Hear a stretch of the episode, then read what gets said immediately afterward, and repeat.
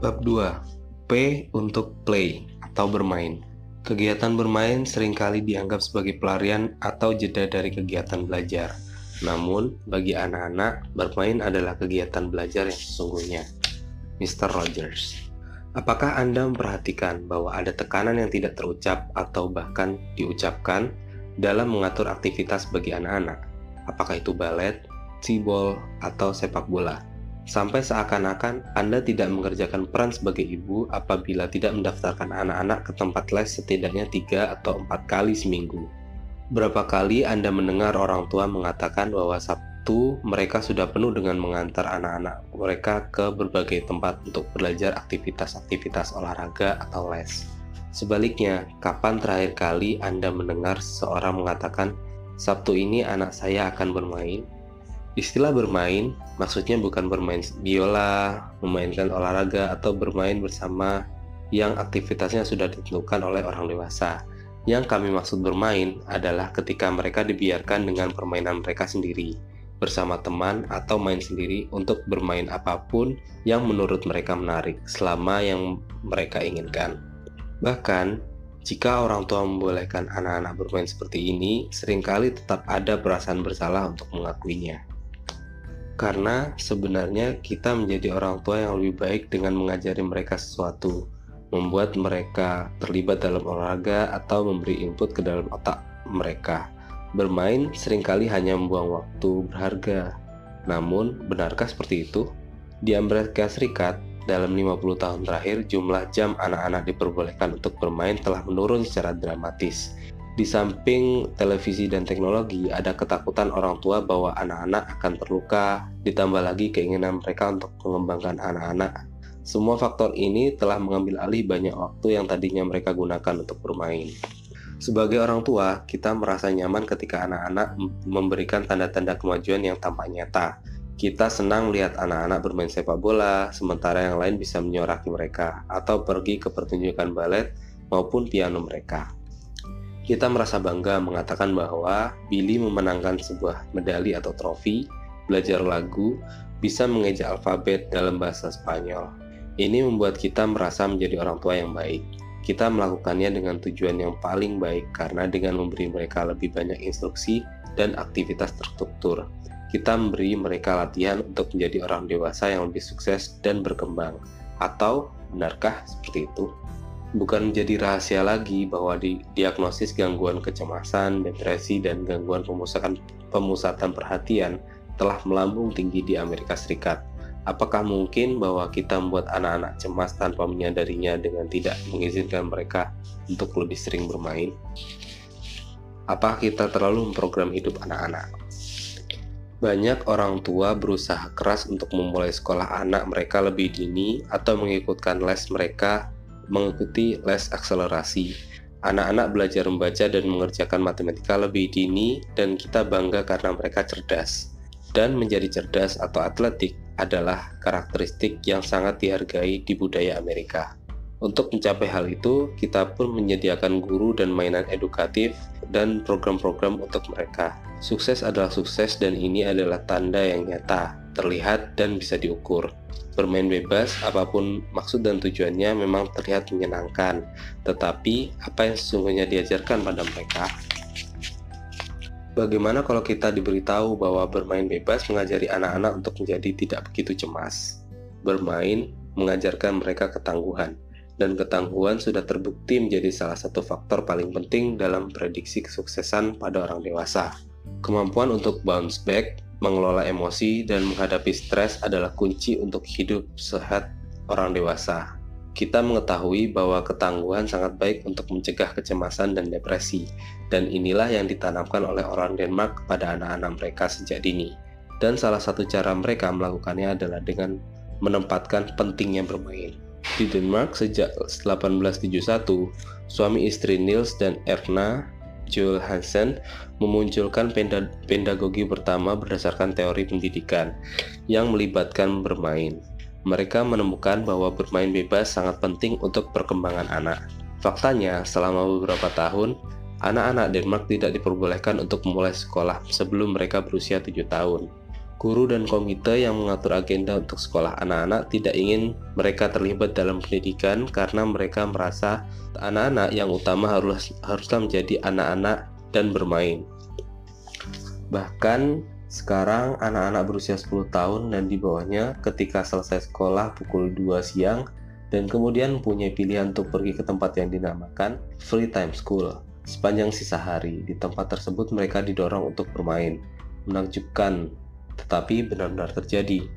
Di Denmark tidak ada penekanan untuk pendidikan atau olahraga tertentu, tetapi lebih pada anak-anak secara keseluruhan. Orang tua dan guru fokus pada hal-hal seperti sosialisasi, otonomi, keterpaduan, demokrasi, dan harga diri. Mereka ingin anak-anak belajar tentang ketangguhan dan menumbuhkan arahan yang tepat dalam diri yang kelak akan memandu mereka menghadapi hidup. Mereka tahu bahwa anak-anak akan terdidik dengan baik dan belajar banyak keterampilan. Namun, kebahagiaan sejati tidak datang hanya dari pendidikan yang baik. Seorang anak yang belajar menghadapi stres, berteman, dan realistis terhadap dunia telah mempunyai keterampilan hidup yang sangat berbeda daripada menjadi seorang ahli matematika contohnya. Tentang keterampilan hidup, orang-orang Denmark berbicara mengenai seluruh aspek kehidupan, tidak hanya kehidupan karir. Buat apa menjadi ahli matematika tanpa kemampuan untuk menghadapi jatuh bangunnya kehidupan? Semua orang tua Denmark yang berbicara dengan kami mengatakan bahwa fokus berlebihan yang menekan anak-anak muda terlihat sangat aneh bagi mereka. Mereka melihatnya jika anak-anak selalu mengerjakan sesuatu untuk mendapatkan sesuatu, nilai baik, penghargaan, atau pujian dari guru maupun orang tua, mereka tidak bisa mengembangkan dorongan pribadi mereka mereka percaya bahwa anak-anak secara mendasar membutuhkan ruang dan kepercayaan untuk membolehkannya menguasai banyak hal yang bisa berguna saat membuat dan menyelesaikan masalah mereka sendiri. Ini menumbuhkan harga diri dan ketangguhan sejati karena dukungannya berasal dari diri mereka sendiri, bukan dari orang lain. Pusat kendali internal versus eksternal. Dalam psikologi, dorongan internal ini dikenal sebagai locus of control, pusat kendali. Kata locus dalam bahasa Latin berarti tempat atau lokasi, sehingga locus of control secara sederhana berarti sejauh mana seorang merasa mempunyai kendali atas kehidupan sendiri dan kejadian yang mempengaruhinya. Dengan demikian, orang yang memiliki pusat kendali diri percaya bahwa mereka mempunyai kekuatan untuk mengendalikan diri hidupnya dan hal-hal yang terjadi pada mereka. Pusat kendali diri mereka berasal dari dalam diri. Orang-orang dengan pusat kendali eksternal percaya bahwa hidup mereka dikendalikan oleh faktor eksternal seperti lingkungan atau nasib. Diri mereka hanya mempunyai sedikit pengaruh terhadapnya. Apa yang mengendalikan mereka berasal dari luar, maka mereka tidak bisa mengubahnya. Kita semua dipengaruhi oleh lingkungan, budaya, dan status sosial, tetapi sejauh mana kita merasa bisa mengendalikan hidup kita di samping faktor tersebut, adalah perbedaan antara pusat kendali internal dan eksternal. Riset telah berkali-kali menunjukkan bahwa anak-anak, remaja, dan orang dewasa yang mempunyai pusat kendali eksternal yang kuat cenderung memiliki kecemasan dan depresi. Mereka menjadi cemas karena percaya bahwa mereka hanya punya sedikit atau malah tidak punya kendali terhadap nasib mereka, dan menjadi depresi ketika perasaan tak berdaya ini menjadi terlalu besar. Riset juga menunjukkan bahwa ada perubahan dramatis menuju lebih banyak pusat kendali eksternal di antara anak-anak muda dalam 50 tahun terakhir. Psikolog Jean M. Twing dan koleganya meneliti hasil dari tes Children Nowicki Strickland Internal External Control Scale selama periode 50 tahun. Tes ini mengukur apakah seorang punya pusat kendali internal atau eksternal para peneliti menemukan bahwa ada perubahan dramatis dari pusat kendali internal ke eksternal pada anak-anak pada setiap usia, dari sekolah dasar hingga kuliah. Untuk memberi Anda pandangan bagaimana perubahan besar itu terjadi, anak muda pada 1960, 80% lebih mungkin mengatakan bahwa mereka mempunyai kendali terhadap hidup dibandingkan dengan anak-anak pada 2002 yang cenderung mengatakan mereka tidak mempunyai kendali personal. Lebih mengejutkan lagi ialah bahwa kecenderungan ini lebih terlihat pada anak-anak sekolah dasar daripada anak-anak sekolah menengah dan kuliah. Jadi semakin muda dan semakin lebih muda anak-anak merasa tidak adanya kendali terhadap hidup mereka. Mereka merasa tidak berdaya lebih dini dan semakin dini. Meningkatnya pusat kendali eksternal dalam beberapa tahun mempunyai hubungan linear dengan naiknya depresi dan kecemasan dalam masyarakat kita. Apa yang menyebabkan perubahan ini? Memberi anak ruang untuk belajar dan tumbuh. Inti dari filosofi pengasuhan Denmark adalah konsep yang disebut proximal development, pengembangan optimal yang kali pertama dikenalkan oleh Lev Vygotsky, seorang psikolog pengembangan dari Rusia. Pada intinya adalah bahwa seorang anak memerlukan ruang dalam jumlah yang tepat untuk belajar dan tumbuh dalam zona dan jumlah bantuan yang tepat pula. Bayangkan membantu seorang anak memanjat kayu yang jatuh di hutan.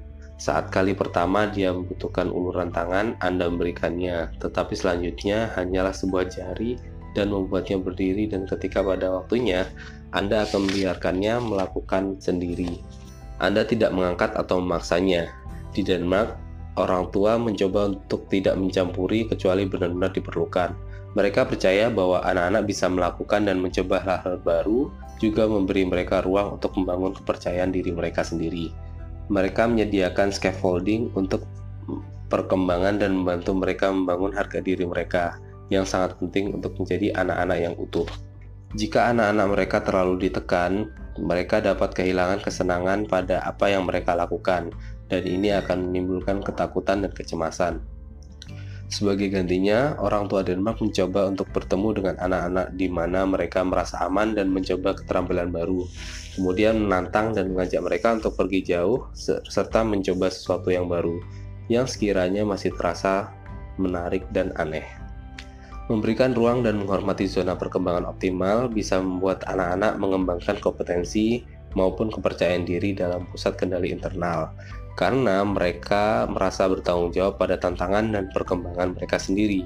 Anak-anak yang terlalu banyak didorong atau ditekan mempunyai risiko pengembangan pusat kendali eksternal karena mereka tidak bisa mengendalikan perkembangan mereka sendiri.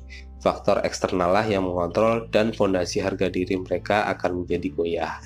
Kita kadang berpikir bahwa kita membantu anak-anak dengan mendorong mereka untuk tampil atau belajar lebih cepat tetapi mengarahkan mereka pada momen yang tepat dari perkembangan mereka lah yang akan membuahkan hasil lebih baik. Tidak hanya karena pembelajaran itu sendiri yang tentunya akan lebih menyenangkan, melainkan karena anak-anak akan merasa yakin atas kemampuan keterampilan mereka dan mereka merasa lebih bertanggung jawab dalam mendapatkannya. David Elkine, seorang psikolog Amerika setuju, anak-anak yang didorong untuk membaca lebih dini contohnya pada awalnya akan membaca lebih baik daripada teman-temannya, tetapi level itu akan menjadi sama dalam beberapa tahun. Dan apa efek sampingnya? Anak yang didorong itu akan menunjukkan level kecemasan yang lebih tinggi dan harga diri yang lebih rendah pada kemudian hari. Di Amerika Serikat, kami menemukan buku-buku yang tak terhitung banyaknya mengenai cara menurunkan atau menghilangkan kecemasan dan stres. Kami ingin menghilangkan stres apa pun caranya, terutama untuk anak-anak kami. Banyak orang tua terus mengawasi anak-anak mereka dan turut campur untuk melindungi mereka secepat mungkin dalam satu kesempatan. Kebanyakan dari kita membuat pagar pembatas pada tangga di rumah untuk melindungi serta mengunci apa pun yang kita temukan yang mungkin akan berbahaya.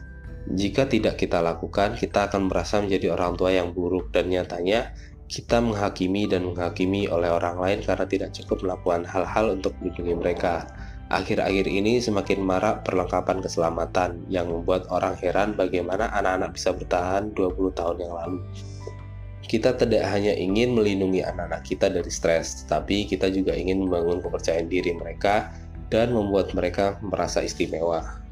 Metode standar untuk melakukan ini adalah dengan memuji mereka, kadang berlebihan.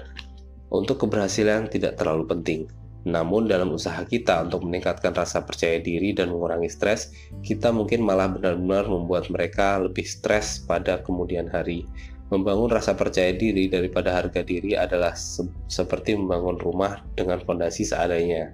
Kita semua tahu apa yang akan terjadi ketika serigala jahat besar datang. Akan tetapi, bagaimana kita mengetahui bahwa permainan bisa membantu? Ilmuwan telah meneliti kegiatan bermain pada hewan selama bertahun-tahun, mencoba memahami tujuan evolusionernya. Dan satu hal yang mereka temukan ialah aktivitas bermain sangat krusial untuk belajar bagaimana mengatasi stres. Dalam penelitian yang dilakukan pada tikus rumahan dan monyet rhesus, ilmuwan menemukan bahwa ketika mereka merasa dipisahkan dari teman bermainnya selama tahap kritis dari perkembangan mereka, hewan-hewan ini menjadi stres ketika mereka dewasa. Mereka akan bereaksi berlebihan untuk menantang situasi dan tidak mampu mengatasi masalah pergaulan dengan baik. Mereka akan bereaksi baik dengan ketakutan berlebihan, kadang berlari dengan tubuh gemetar ke pojok, atau dengan agresi yang berlebihan, menyerang dengan kemarahan. Kurangnya bermain jelas menjadi sumber masalah karena ketika hewan diperbolehkan bermain meski hanya satu jam sehari, mereka tumbuh menjadi lebih normal dan ketika dewasa bisa menghadapi keadaan dengan lebih baik. Perilaku fight to flight biasanya dialami ketika bermain, mengaktifkan jalur neurokimia yang sama dengan stres di otak. Bayangkan Anda melihat anjing yang berlari berputar-putar, mengejar satu sama lain demi kesenangan. Banyak hewan melakukan aktivitas seperti ini ketika bermain, mengambil peran sebagai subordinat atau posisi menyerang dalam permainan bertarung, membuat keadaan yang mirip dengan stres. Kita tahu bahwa mengekspos otak bayi hewan saat stres bisa mengubah mereka dari waktu ke waktu dalam hal membuat mereka kurang responsif pada stres. Artinya, semakin banyak bermain, otak mereka menjadi semakin baik dan mengatur stres ketika mereka tumbuh. Kemampuan mereka mengatasi keadaan senantiasa membaik melalui bermain, dan mereka akan lebih bersahabat ketika menghadapi situasi yang lebih sulit lagi. Anda bisa melihat bahwa ketangguhan bukan diperoleh dengan menghindari stres, melainkan dengan belajar bagaimana menjinakkan dan menguasainya. Apakah kita merampas kemampuan anak-anak untuk mengatur stres dengan tidak membolehkan mereka bermain? Melihat jumlah gangguan kecemasan dan diagnosis depresi di masyarakat, kita tentu curiga apa yang kurang, karena salah satu ketakutan terbesar dari seseorang dengan gangguan kecemasan adalah kehilangan kendali terhadap emosinya, membuat kita bertanya-tanya, jika kita melangkah mundur dan membolehkan anak-anak kita lebih banyak bermain, apakah mereka akan menjadi orang dewasa yang lebih bahagia dan lebih tangguh? Saya kira jawabannya adalah iya bermain dan keterampilan mengatasi keadaan. Dalam penelitian pendahuluan yang dilakukan pada anak-anak prasekolah di Pusat Pengembangan Anak di Massachusetts, peneliti ingin mengukur apakah ada hubungan positif antara seberapa senang anak-anak prasekolah bermain dengan kemampuan mereka mengata mengatasi keadaan. Menggunakan teks playfulness dan coping inventory, peneliti membandingkan seberapa senang anak-anak bermain dengan kualitas keterampilan mereka mengatasi keadaan. Mereka menemukan adanya hubungan positif secara langsung antara level kesenangan bermain dan kemampuan mereka dalam mengatasi masalah. Semakin banyak mereka bermain, mereka menjadi lebih baik dan mempelajari keterampilan sosial dan terlibat dalam konteks sosial atau bermain. Semakin baik mereka dalam mengatasi keadaan. Ini mengarahkan peneliti untuk percaya bahwa bermain mempunyai dampak langsung pada semua kemampuan beradaptasi dalam kehidupan. Penelitian lain dilakukan oleh profesor terapis profesional Louis Hess dan koleganya di Institusi Kesehatan di Palo Alto, California, mencari tahu untuk menyelidiki hubungan antara seberapa senang bermain dengan keterampilan mengatasi keadaan pada remaja laki-laki. Mereka meneliti dua grup remaja, yang satu tumbuh normal dan satunya memiliki masalah emosional. Seperti dalam penelitian di prasekolah, untuk kedua grup remaja ini ada hubungan langsung dan penting antara senangnya bermain dan kemampuan mereka dalam mengatasi keadaan. Peneliti menyimpulkan bahwa bermain bisa dilakukan untuk memperbaiki keterampilan mengatasi keadaan, terutama kemampuan untuk beradaptasi, mendekati masalah dan tujuan dengan cara yang lebih fleksibel. Lihat saja di sekeliling, anak-anak berpayun pada palang, memanjat pohon, dan melompat dari tempat tinggi. Mereka menguji situasi berbahaya, dan tidak ada seorang pun kecuali anak itu sendiri yang tahu dosis tepat atau bagaimana mengelolanya. Yang penting adalah mereka merasa bisa mengendalikan dosis stres akan masalah yang dihadapi. Ini membuat mereka merasa lebih bisa mengendalikan kehidupan mereka. Hewan remaja dan primata pun melakukan hal yang sama. Mereka dengan sengaja menempatkan diri mereka ke dalam situasi berbahaya, melompat dan berayun dari pohon sambil memutar, berputar balik, dan membuatnya sulit untuk mendarat. Mereka belajar tentang ketakutan dan bagaimana mengatasinya. Ini sama saja dengan bermain perkelahian yang telah disebutkan sebelumnya. Hewan-hewan menempatkan diri mereka dalam posisi subordinat dan menyerang. Dua-duanya untuk memahami tantangan emosional kedua belah pihak. Untuk anak-anak, situasi kehidupan sosial juga penuh tekanan. Permainan sosial bisa mendatangkan konflik ataupun kerjasama. Ketakutan dan kemarahan hanyalah sebagian dari emosi yang harus dipelajari dan diatasi oleh seorang anak agar dia bisa terus bermain. Dalam bermain tidak ada pujian yang berlebihan. Aturan harus dinegosiasikan dan bisa untuk dinegosiasi ulang. Dan pemain, dan pemain harus sadar akan tingkat emosi pemain lain untuk menghindari untuk menghindari seorang menjadi terlalu sedih dan berhenti karena jika terlalu banyak yang berhenti, permainan akan selesai. Karena anak-anak pada dasarnya ingin bermain satu sama lain. Situasi ini membuat mereka harus mau bergaul dengan sama tanpa membedakan. Dalam pandangan orang Denmark, bermain sangat penting bagi kehidupan kanak-kanak, sehingga banyak sekolah di Denmark mempunyai program untuk menggiatkan belajar melalui olahraga, permainan, dan latihan untuk semua anak. Contohnya adalah Play Patrol yang difokuskan untuk murid SD paling kecil dan, dan difasilitasi oleh anak-anak yang lebih besar. Program yang dilakukan oleh siswa ini mendorong kedua pihak, baik anak yang kecil maupun yang besar untuk memainkan beberapa jenis aktivitas seperti peta umpet, pemadam kebakaran, atau hewan peliharaan keluarga dan untuk mendorong anak-anak yang pemalu maupun penyendiri untuk bergabung juga. Tipe permainan yang menyenangkan dan imajinatif ini dengan usia yang beraneka ragam mendorong anak-anak untuk menguji diri mereka sendiri dengan cara yang berbeda, yang tidak mereka lakukan terhadap orang tua atau guru. Ini benar-benar mengurangi perundungan dan lebih jauh lagi mengasah keterampilan sosial dan pengendalian diri. Fakta di balik Lego dan taman bermain. Hampir semua orang pernah mendengar tentang Lego dan bermain dengan blok bangunan berwarna-warni ini setidaknya sekali dalam hidup mereka. Lego menjadi salah satu mainan paling populer dalam sejarah hingga dijuluki mainan abad ini oleh majalah Fortune. Aslinya dibuat dengan kayu, Lego tidak pernah kehilangan konsep dasar blok bangunan. Seperti zona perkembangan optimal, Lego bisa dimainkan untuk segala usia. Ketika anak siap untuk mengambil langkah selanjutnya pada konstruksi yang lebih menantang, ada Lego yang diciptakan untuk itu.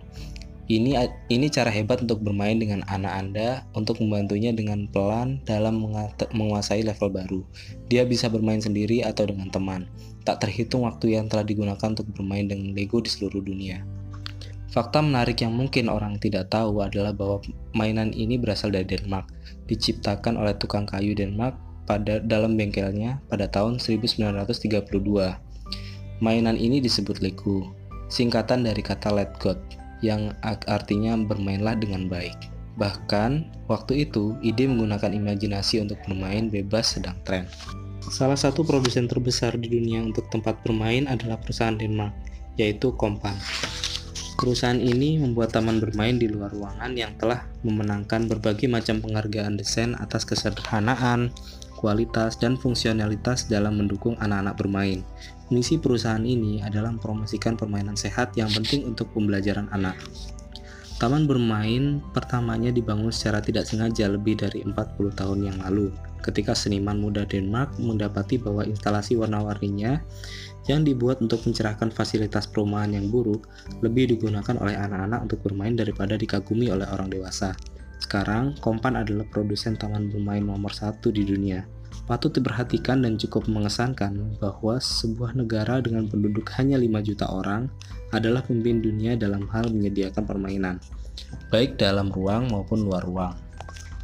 Ketika lain kali Anda melihat anak-anak berayun dari dahan, melompat dari karang, atau bermain perang-perangan dengan teman-teman mereka, dan Anda ingin turut campur untuk menyelamatkan mereka, ingatlah bahwa ini adalah cara mereka untuk pelajari seberapa banyak stres yang bisa mereka tanggung. Ketika mereka bermain dalam kelompok dengan beberapa anak yang sulit dan Anda ingin melindungi mereka, ingatlah bahwa mereka sedang belajar mengendalikan diri dan keterampilan negosiasi dengan segala jenis kepribadian yang berbeda untuk membuat permainan tetap berlangsung. Ini adalah cara mereka untuk menguji kemampuan mereka sendiri dan mengembangkan keterampilan adaptasi dalam prosesnya. Semakin banyak mereka bermain, mereka akan semakin tangguh dan mahir dalam pergaulan. Ini adalah proses yang alami, bisa bermain dengan baik, let God, ibaratnya bagai sebuah blok bangunan untuk membuat kerajaan kebahagiaan pada masa depan. Tips untuk bermain 1. Matikan Matikan TV dan alat elektronik. Imajinasi adalah bahan yang paling penting dalam bermain untuk mendapatkan dampak yang positif. 2. Ciptakan lingkungan yang bisa memperkaya. Penelitian menunjukkan bahwa lingkungan yang kaya akan sensori digabungkan dengan bermain akan memfasilitasi perkembangan kortikal di, di otak. menyiapkan beberapa jenis material di sekitar yang bisa menstimulasi semua indera, penglihatan, pendengaran, peraba, dan lainnya, meningkatkan perkembangan otak selama bermain. 3. Gunakan seni. Otak anak-anak berkembang ketika mereka menggunakan seni. Oleh karena itu, jangan tunjukkan bagaimana melakukannya. Sediakan saja bahan-bahan untuk karya seni dan biarkan mereka berkreasi secara spontan. 4. Biarkan mereka menjelajah di luar. Ajaklah mereka ajaklah mereka keluar sebanyak mungkin untuk bermain di alam, hutan, taman, pantai, di mana pun. Cobalah untuk menemukan area aman yang Anda tidak takut untuk membiarkan mereka bebas dan menjelajah lingkungan. Ini adalah tempat mereka bisa benar-benar menggunakan imajinasi mereka dan bersenang-senang. 5. Bermain dengan anak-anak yang berbeda usianya. Cobalah untuk mencampur anak-anak Anda dengan anak-anak dari usia yang berbeda. Ini meningkatkan zona perkembangan optimal, membiarkan seorang untuk memfasilitasi pembelajaran yang lain, membantu setiap anak untuk mendapatkan level baru secara alami. Dengan cara ini, anak-anak belajar baik untuk menjadi bintang maupun untuk bekerja sama dengan anak yang lebih tua. Mereka belajar untuk berpartisipasi semenantang apa pun permainannya. Ini mengajari keterampilan mengendalikan diri dan bernegosiasi sangat diperlukan dalam kehidupan. 6. Biarkan mereka bebas dan lupakan rasa bersalah. Mereka tidak memerlukan aktivitas yang dipimpin oleh orang dewasa atau mainan yang spesifik. Semakin banyak Anda biarkan mereka mengendalikan permainan mereka sendiri, menggunakan imajinasi dan melakukan sendiri, maka hasilnya akan lebih baik. Keterampilan yang mereka pelajari sangat berharga. Kita terlalu cemas tentang seberapa sering anak-anak kita terlibat dalam aktivitas terorganisasi atau apa yang mereka pelajari sampai kita lupa pentingnya membiarkan mereka bermain dengan bebas. Berhentilah merasa bersalah. Membiarkan mereka bermain bukan berarti Anda tidak mengasuh anak dengan baik. Merekalah yang merindukan bermain bebas. 7. Bersungguh-sungguh Jika Anda ingin bermain dengan anak, Anda harus 100% tidak berpura-pura dalam apa yang Anda lakukan. Jangan takut untuk terlihat lucu, biarkan mereka memandu. Berhentilah cemas tentang apa yang orang lain pikirkan tentang Anda atau apa yang Anda pikirkan tentang diri Anda sendiri. Berjongkok atau merunduklah sejajar dengan mereka dan cobalah untuk bermain bebas. Bahkan walau hanya 20 menit sehari, kalau ini memang sulit untuk Anda. Sedikit waktu bermain di level mereka lebih berharga daripada mainan apa pun yang bisa Anda beli. 8. Biarkan mereka bermain sendiri juga. Bermain sendiri sangat penting untuk anak-anak. Bermain dengan mainan mereka adalah cara untuk memproses pengalaman baru, konflik, dan kejadian sehari-hari dalam hidup mereka. Dengan melibatkan diri dalam permainan fantasi dan menggunakan suara yang berbeda, mereka bisa mengulang aksi apa yang terjadi di dunia mereka, yang sangat terapeutik. Ini juga bagus untuk mengembangkan fantasi dan imajinasi mereka. 9. Buatlah rintangan. Cobalah membangun rintangan dengan bangku kecil dan matras atau dengan alat lain. Menciptakan ruangan di rumah sehingga anak-anak bisa bergerak dan menggunakan imajinasi mereka. Biarkan mereka bebas bermain dan memanjat, menjelajah atau berkreasi dan jangan stres karenanya. 10.